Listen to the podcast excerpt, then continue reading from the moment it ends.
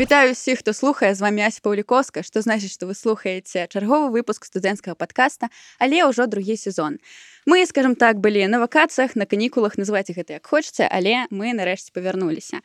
Другі сезон трохі адрозніваецца ад першага з-за таго, што мы паклікалі ўсіх, хто Магчыма, скончыў вышэйшую, але не працуе па прафесіі. Магчыма, працуе па прафесіі. Магчыма, навучыўся чамусьці сам і працуе па гэтай прафесіі.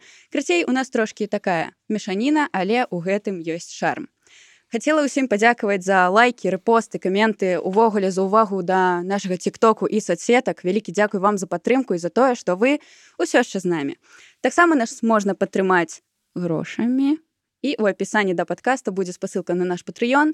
І калі вы захочаце з намі калабнуцца то спасылка будзе на нашу інсту. Просто пішыце у дм hello вы такія класныя я такі класны давайте з вами закалабімся Вось такая справа. Сёння я хочу вас пазнаёміць за людзьмі якія у раз'ебалі беларускую адукацыю тому что один чалавек не скончыўшаеш адукацыю кінуў потым перапаступіў зноў а другі наш гость не скончвала вышэйшую адукацыю але працуе па прафесіі якую вывучыла сама. Сёння з намі даша і саша. Я перадаю слово вам. Вітаю шаноўнае спадарства. Мяне зовут саша. А, я аператор пастаноўшчык пакуль што калі-небудзь абавязкова хочу быць рэжысёрам. Ладно сэнсу чым? Я вучыўся ва універсітэце культуры такое цікавае месца якое я кінуў на другім курсе. Кінуў таму што зразумеў што ну мне не цікава тое чым я там займаюсь асабліва улічваючы што збольшага я ведаю значна больш чым мне там выкладаюць. Я адлічыўся і вырашыў што ну хочу здымаць вырашыў я гэта значна раней але сэнс у тым што тады я вырашыў што ўсё спачатку я думаў нікуды не паступаць потым я падумаў пайду павучусь поеду куды-небудзь у нармальную кінашколу а, і у гэты момант я вызначыў што а ў нармальную такі на школу на рэжысёра можна паступіць толькі там з 24 гадоў з 21 года. Мне тады было толькі з 19 Ну і я вырашыў што час губляць і паступіў у акадэмію мастацтваў на аператара зараз я на другім курсе зноў другі раз на другім курсе я спадзяюся што трэцяга разу не будзе Слухай, ну, на шчасце ніхто б не здзівіўся але некалькі разоў Дякую вялікі Я думаю теперь мы можем спытать у Даши чем она занимается. Всем привет меня зовут Даша я начинающий режиссер не побоюсь этого выражения а, видеомонтажер видеооператор видеограф как сказала Ася кофе три в одном действительно я закончила лингво-гуманитарный колледж, после этого поступила в ЕГУ и на первом же курсе его бросила. Сейчас работаю в айтишке видеооператором. Снимаю рекламу, которую вы видите в соцсетях и которую вы так не любите, с нее кринжуете. Вот это вот я снимаю. А, это реклама приложений нашей компании. Это GPS-трекеры, например, где девушки отслеживают своих мужиков, которые где-то там в отеле э, изменяют им, и эти девушки плачут. Вот это вот я снимаю. Блин, а, но приложение вообще нормальное. Просто, просто реклама заходит такая, как сериал РТР. А, а так, очень даже полезное приложение, знаю, где твой там потерявшийся дедушка или сын. А, ну, в таким сенсе, да. Неемко так. Также я занимаюсь э, монтажом и съемкой лайв-видео. Я снимаю просто все, что под руку попадет. А, но сейчас я работаю со своей маленькой командой над э, съемкой своего первого короткометражного фильма. Ася, даже ты принимала участие. Да. А что вас сдвинуло на то, каб не скончыць вышэйшую адукацыю пытанне ў большасці да дашы і да сашы магчыма чаму ты чаму ты яшчэ там? Кожны дзень задаю сабе гэтае пытанне прычынаю все-таки блин так так так прычынаюся думаю блин а чаму я яшчэ тут? Не ну насамрэч э, калі я паступаў у акадэмію я ведаў куды куды я паступаю я ведаў што мяне там нічаму не навучаць усяму што я ведаю я навучыўся што я умею я навучыўся сам. Паступіў я ўсё ж такі ў акадэмію для таго што для таго каб пазнаёміцца з людзьмі якія мне будуць карысныя ў будучыні. Таму што ёсць у меня такая праблема што мне складана заводзіць знаёмств Таму сваю мэту я выканаў. Да, і вось у мяне склалась нейкая каманда людзей з якімі я перыядычна працую якія мне вельмі дапамагаюць. Тому что чаму мяне навучыла гэта вну? Таму што аднаму штосьці рабіць вельмі складана і калі ты робіш гэта з кімсьці калі у цябе ёсць дапамога ты можаш зрабіць штосьці значна значна лепшае Я думаю зараз самы час пазначыць што Саша гэта наш аператор і мы не так давно пачалі здымкі інтэрв'ю з рознымі людзьмі. Вось і каманда здымачна поўнасцю збіралася Сашай просто з-за яго знаёмых за яго знаёмстваў з-за таго які ён коцік А яшчэ акадэмія гэта цудоўнае месца для ну як цудоўнае месца а, у нас ну у аператараў акадэміі просто а, няма тэхнічнай базы. У нас няма нармальнага абсталявання зусім і ўсё з чым мы працуем гэта альбо рэнта альбо маё. Уласнае тое што я сам набыў і самым карыстаюсь вось. А, але што ёсць гэта выкладчыкі. Выкладчыкі якія у аператараў менавіта у аператараў все працуючыя якія прайшлі праз ну, шмат здымак зразумела якія ну, працавалі ўсё жыццё і у іх можна знайсці шмат цікавых рэчай у сэнсе абсталявання. Напрыклад мы там плёнку стрэльнули для кліпа.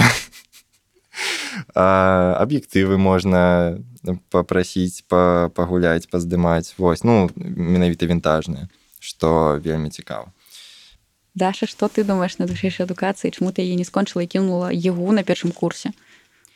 А у меня на самом деле до поступления в ЕГУ была большая дилемма, нужно ли высшее образование, особенно творческому человеку, особенно мне. А, я решила, что да, оно мне нужно. И, наверное, это был единственный фактор, почему я поступила в ЕГУ, и еще я, когда смотрела дисциплину на специальности, куда я поступала, это медиа и коммуникация, я увидела такую, такой предмет, как фильмография, фотография, режиссура. Но это там было буквально три предмета, и то они должны были преподаваться на последнем курсе.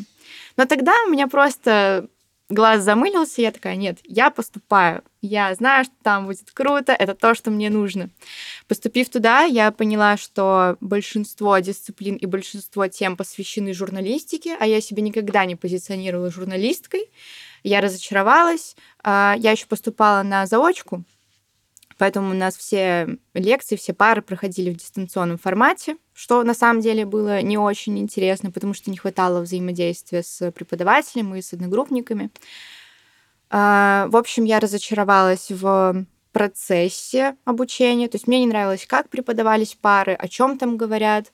А, я не скажу, что в ЕГУ мне было очень-очень-очень плохо и сложно. Нет, просто я черпала оттуда то, что мне на самом деле не интересно. И еще был интересный такой случай. А, я пришла на какую-то пару, где преподавательница сказала, «Э, давайте вот проверим ДЗ, а у нас это должны были быть какие-то что-то что типа рефератов, а, и мы их проверяли час из полутора. То есть все, все мои одногруппники прочитали просто свои рефераты на паре. После этого она сказала, давайте посмотрим видео в Ютубе. И это просто была какая-то лекция TED или что-то такое, которую я уже сама смотрела до поступления в ЮГУ. Я такая, а, это вот, вот так вот будет проходить, да? Я еще чуть-чуть поучилась, но решила не мучиться и в первом же семестре отчислилась. Вот уже прошел год после этого события. И жалею ли я? Вообще нет, потому что за этот год я прокачалась в своих навыках, я начала ходить в разные места, куда мне интересно, я начала знакомиться с людьми, которые мне интересны, которые из моей сферы, из видеосферы. Э, я начала узнавать просто на практике, что такое видео и как это делать, как это снимать, как это монтировать, с кем нужно общаться, с кем коммуницировать. В общем, жизнь меня научила. А ты полностью сама вучылася гэтаму скажем так жыццё навучыла ці у тебе нейкія курсы магчыма былі ці хтосьці з сяброў са знаёмых тебе дапамагаў я училась полностью сама это началось где-то в классе шестом когда я только-только обнаружила YouTube и я начала смотреть блогеров а, естественно Ну, хотя, может быть, для кого-то неестественно, но первой блогеркой у меня была Катя Клэп. Мне очень нравилось, как выглядит ее видео. Я хотела делать так же, я хотела снимать блог, я хотела снимать челленджи эти. А потом я наткнулась на других блогеров. Время шло, там вкусы становились более взрослыми, там осознанными, и я смотрела уже за блогерами, которые занимаются прям видео или там travel видео, в общем, те, которые делают красивую картинку. И потом я начала смотреть фильмы, я ходила в театры, и я напитывалась э, кино и театральным искусством и хотела делать то же самое. И вот я в восьмом классе, подсмотрев опять-таки формат у одной блогерки, когда она только-только начинала у себя снимать, она как-то то ли каждый месяц, то ли каждый год выкладывала видео по одной секунде изо дня. И я хотела сделать то же самое. И я в восьмом классе начала снимать какие-то там школьные моменты с уроков, с переменок, с моих каких-то гулянок, а, маленькие сюжетики, и выкладывала себе в Инстаграм вот эти вот минутные ролики с секундочкой из каждого дня под музыку, из-за которую, из-за которой меня блокировали, конечно же, из авторских прав. Но я тогда не знала, что такое авторские права. А, с этого все началось. А потом я уже начала снимать не просто моменты, а какие-то осознанные моменты, осознанно их клепала, осознанно монтировала, потом подумала, ой, а какие программы есть для монтажа другие. И все так нарастало, нарастало, и вот теперь я снимаю фильм. А, мой шлях вельмі падобны ну прям вельмі таксама скаць клэп? А, не не скаці клэп. 2012 год карацей а, я таксама адкрыў для сябе youtube. А, але мяне тады цікавіў майнкрафт. Ну і адпаведна хто там быў не памятаю ложку памятаю вось да, там скала был ложки з вангаем потом ты пераходзіш Ну, не, куплінова гэта далей далей далей не А, там Да, это, ужо- это еще... на, на ивангае я уже ушоў от майнкрафта мне уже стало сумна і вось тады прыкладна гэта быў які 2014 год так а, вось тады я адкрыў для сябе кіно я адкрыў для сябе кіно а, дзякуючы кінаблогам на youtube а, і быў такі ёсць такі цудоўны хлопец чак чак рев'ю просто более поддержу Ле- лепшая да, кінаблогі А, потым я яшчэ перайшоў на замежны youtube там настолжа критик і папёрла папёрла. В 2017 годзе я адкрыў для сябе а, пітера маккінана ну, кейсінай стараней ладно а, вось. І ну і вось пачаў вучыцца учиться менавіта здымаць Кстати, забавно. Вот у меня также произошло, что монтировать я начала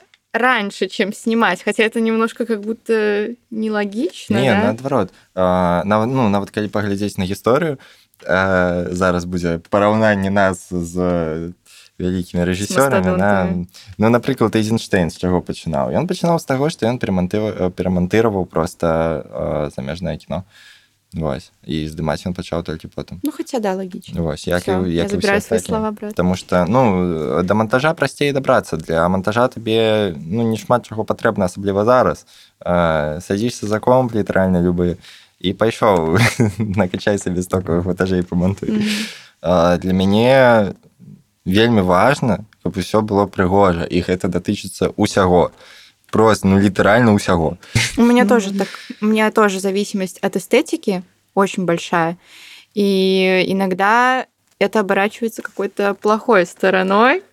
а ў якім сэнсе вот я до того, как начала снимать и монтировать, просто вела Инстаграм. И мне было важно, чтобы каждая выложенная фотография сочеталась по цвету с предыдущей, и чтобы они в рядочек сочетались, и чтобы девяточкой, сеточкой сочетались. И я просто задрачивала в этих фоторедакторах, чтобы там затемнить, супер-супер-супер затемнить фотографию, потому что у меня все было в черных тонах. Ну, типа, усе праз мне казалось, прайшлі мне здаецца ну вот мне казалось, что это как-то по-особенному, а на самом деле это просто был самый простой вариант подогнать все под одну гребенку. А, И я все фотки делала черными, но все равно у меня уходило на это очень много времени, просто потому, что я зависима от эстетики, и мне нужно, чтобы все выглядело идеально красиво, вот, чтобы глаз радовало. Мгм. а ты адышла ад гэтага зараз Нет. Нет, но я себе позволяю теперь чуть больше оттенков. А, вось я ўспомніў дарэчы так я ўспомніў што я хацеў э, сказаць я хацеў сказаць што да прыгожага яшчэ ну і да таго што я ўмею мяне прывёл такі момант э, моя прагнасць я просто ну я глядзеў як як класна там у іншых людзей э, і разумеў што ну гэта ўсё каштуе грошай. Я плаціць нікому не хацеў і таму вучыўся рабіць усё сам. Ну, стандартны шлях дарэчы. Што кранаецца ваших наступных планаў? Вось вы э, зараз у нейкім прамежку часу калі вы разумееце што вы робіце а што наконт будучыні? Ці ёсць у вас нейкія праекты якія вы запланавалі? Што вы думаеце здымаць? Як развівацца?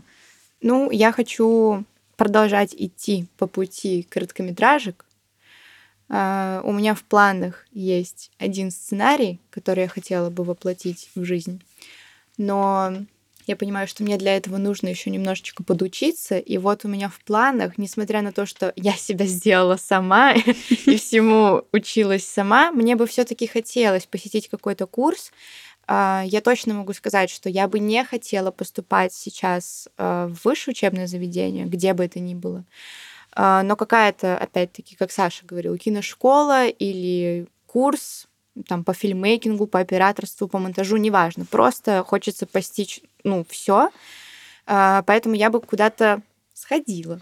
Раю mm-hmm. табе варшаўскую школу кіно але ну яна даволі дорогая адзіная ну вот да в этом просто праблема тым что там вельмі цікавае навучанне у гэтым сэнсе что там шмат калябарацый Паміж рэжысёрамі аператарамі рэжысёрам ну і гэтак далей а а, і шмат працы яны сапраўды шмат працуюць вось а, ну і зноў там ну, колькі два гады наколькі я памятаю вучыцца а, і што цікава у мінулым годзе атрымліваецца ну за мінулы год работа іх студэнткі была намінавана на оскар вось ну, сэнсе карткаметражная наконт маіх плянаў я ну увесь час что я штосьці рабіў яно яно было такое крыху бессэнсоўнае ну яно было просто вось у моманце ёсць зараз а у будучыні яно не будзе маць сэнсу просто. Ну бесполезна бескарысна і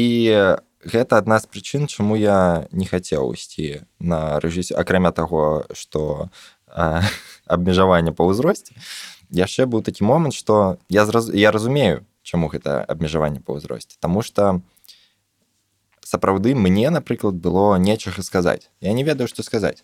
А, зараз гэта змянілась Вось зараз я ведаю што мне сказаць таму я планую далей рухацца ўжо а, да рэжысуры і заняцца якраз фестывальным кіно а, ну карткаметражным і акрамя гэтага я люблю здымаць кліпы. Кліпы гэта просто моя любоў. Вось і мне пашанцавала што тыя людзі з якімі калісьці мы гулялі ў майнкрафт. Цяпер э, таксама ушли там ну шмат хто ўшоў у творчыя спецыяльнасці і у тым ліку э, даволі шмат музыкаў і даволі добрых музыкаў з якімі мне прыемна працаваць Вось таму мои пляны на будучыню гэта здымаць кліпы і падавацца на фестывале Кстати, да, клипы это очень интересно. У меня тоже друзья музыканты, и я бы с удовольствием бы взялась хоть раз за клипы, потому что у меня пока в наличии в портфолио только, только просто довольно любительские музыкальные работы. Но это нельзя назвать клипами. Но вот клип было бы очень интересно снять. Да, Давай. Э, Саша сказаў пра фестывалі карткаметражак, а ў нас не так давно прайшоў кінафестываль глядач, у якім Даша прымала ўдзел і было б круто, калі б ты распавяла пра свой досвед, што ты падавала на фестываль і як увогуле твае адчуванні пасля яго. Да, я подавала работу про мою поездку в Грузию. На самом деле, когда я отправила ее, я вообще не представляла, куда я ее отправила. Ну, э, я просто я, естественно, следила за вашим аккаунтом сами Суполка, а, увидела, что будет такой фестиваль, и подумала, что будет полезным как-то заявить о себе вперв впервые. А, и моя работа про Грузию, которая называется «Покой», а, это единственная более-менее осмысленная работа моя из последних, в которой есть много посылов, которые я хотела бы передать зрителю. И, собственно, на фестиваль «Зритель» я отправила эту работу. Я очень сильно запереживала, когда пришла на само мероприятие, потому что увидела, как там много людей, как там все серьезно, и, и начала занижать свои э, способности и вообще свою заслугу и свою работу,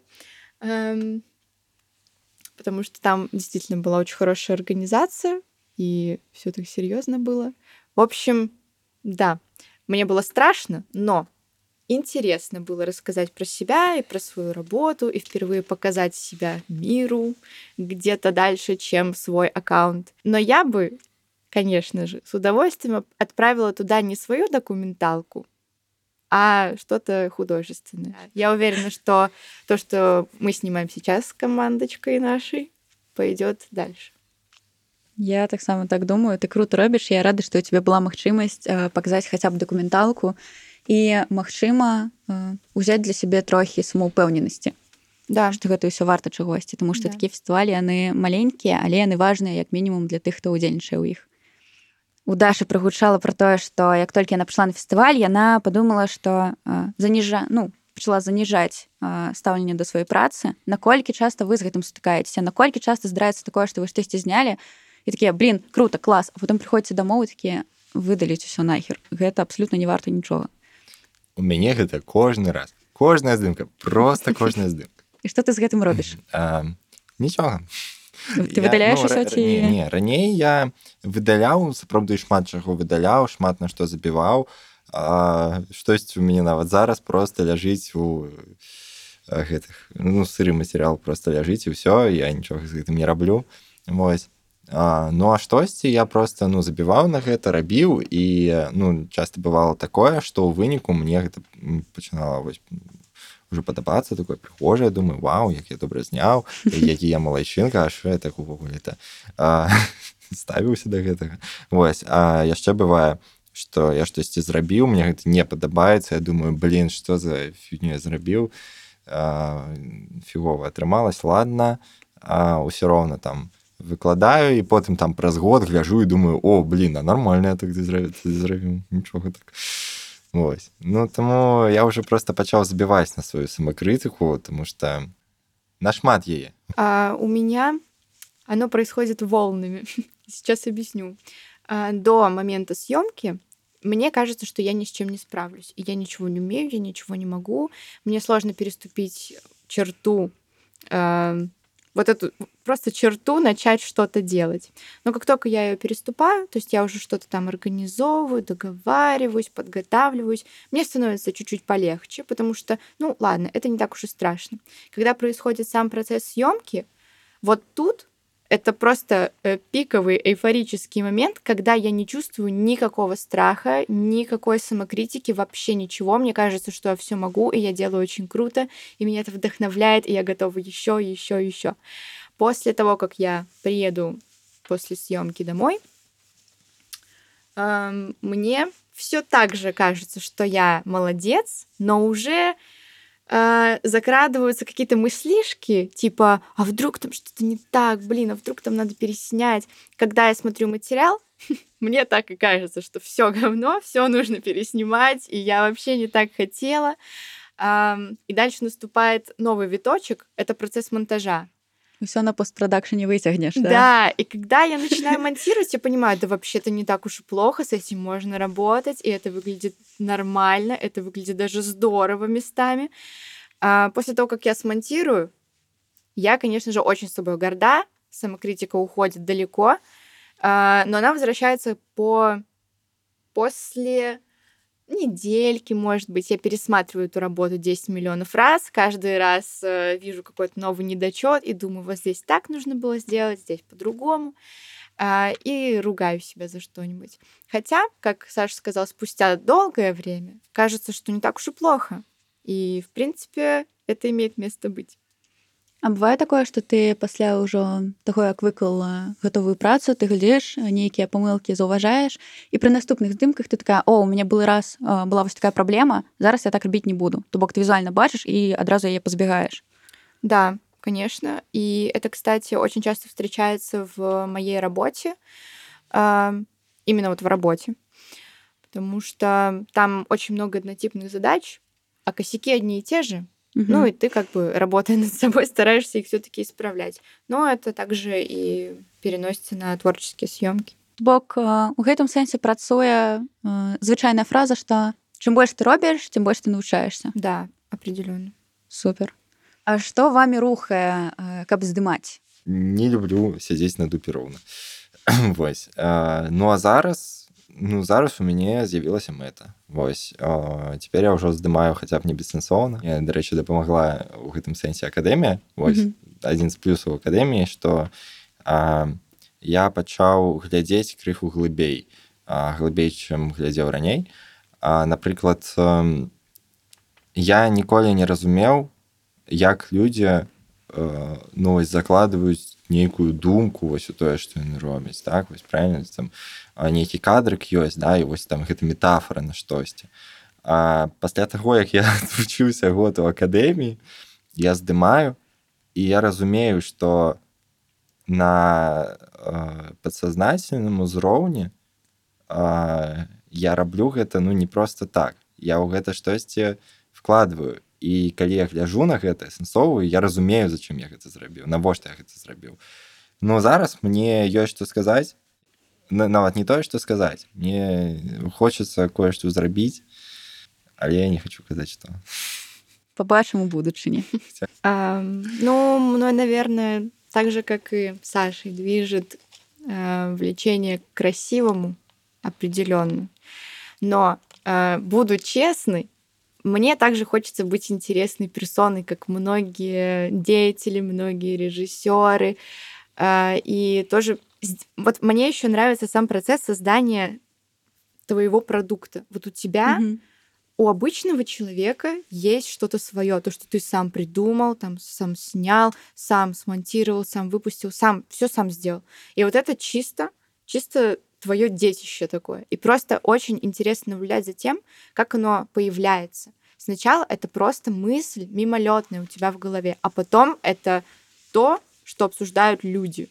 Это mm-hmm. то, за что тебе э, дарят комплименты или наоборот критикуют. То есть это уже предмет обсуждения. И это пошло дальше, чем вот эта мимолетная мысль. И вот сам э, само это явление очень интересное. И вот ради него хочется двигаться дальше. Ну и так как я сказала, что хочу быть честной, э, конечно же, есть часть меня, которая хочет славы. Просто-напросто славы. А для того, чтобы где-то прославиться, нужно что-то делать. Mm-hmm. И так как мне это доставляет удовольствие, я не против. Ну, то есть я не против делать это что-то, чтобы потом где-то, может быть, и выстрелить. Видите, мем такие. А, что тебя натхняет, да? что тебе рухае я просто люблю выёбывацца а каб выёбывацца трэба штосьці зрабіць ну по сути да. Краткое ну, содержание. Я яшчэ хацеў дадаць что для мяне гэта яшчэ і спосаб камунікацыі тому что як я ўжо казаў мне складана размаўляць з людзьмі знаёміцца з людзьмі а, і здымкі і ну і вынік гэтых здымак да, вось, то, што мы робім гэта цудоўны цудоўны повод каб з кімсьці паразмаўляць Акім вы натхняеце што глядзіце ўвогуле Э, я смотрю все подряд, все подряд. Э, я смотрю и плохое кино, и хорошее. На мой взгляд, плохое и хорошее, конечно же. Э, сейчас у меня с подругой вообще марафон по 90-м, который составил какой-то чувак и написал статью ВКонтакте. И там 100 фильмов, которые мы должны посмотреть за 10 месяцев. И там такое есть. Ну, там просто неизвестные особо mm-hmm. Поэтому есть странные вещи, а, но которые на самом деле тоже вдохновляют. Вот я где-то полгода назад посмотрела наконец-таки Чункингский экспресс «Падшие ангелы» Вонга Карвая. Мне очень нравится его визуал. Я хочу делать примерно так же. А, мне нравится и символизм, и образность Линча, и мне нравится Вуди Аллен со своими приколюхами. А, но также я могу просто засесть и посмотреть «Довод Нолана» 10 раз подряд. Ну, типа, у меня вообще всякое бывает. А, очень вдохновляюсь я, кстати, русским кино. И вот это вот популярное сейчас слово «хтонь» меня тоже иногда вдохновляет. Как бы ни было грустно там в сюжетах, мне все равно нравится смотреть э, там и Быкова, и, и всяких там У-у-у. этих, в общем, да, и Сигарева. В общем, иногда хочется пострадать. Но красивое и приятное тоже часто смотрю, конечно же. А, ну я таксама натхняюсь усім чым заўгодна напрыклад я натхняюсь небам я натхняюсь лужанамі я натхняюсь усім каменьчыкамі і цаю калі я бачу штосьці як я казаў я памешаны дах на прыгажосці калі я бачу непрыгожа мяне гэта настолькі злые гэта так ненавіжу мне хочется зрабіць штосьці у процівавагу гэтага.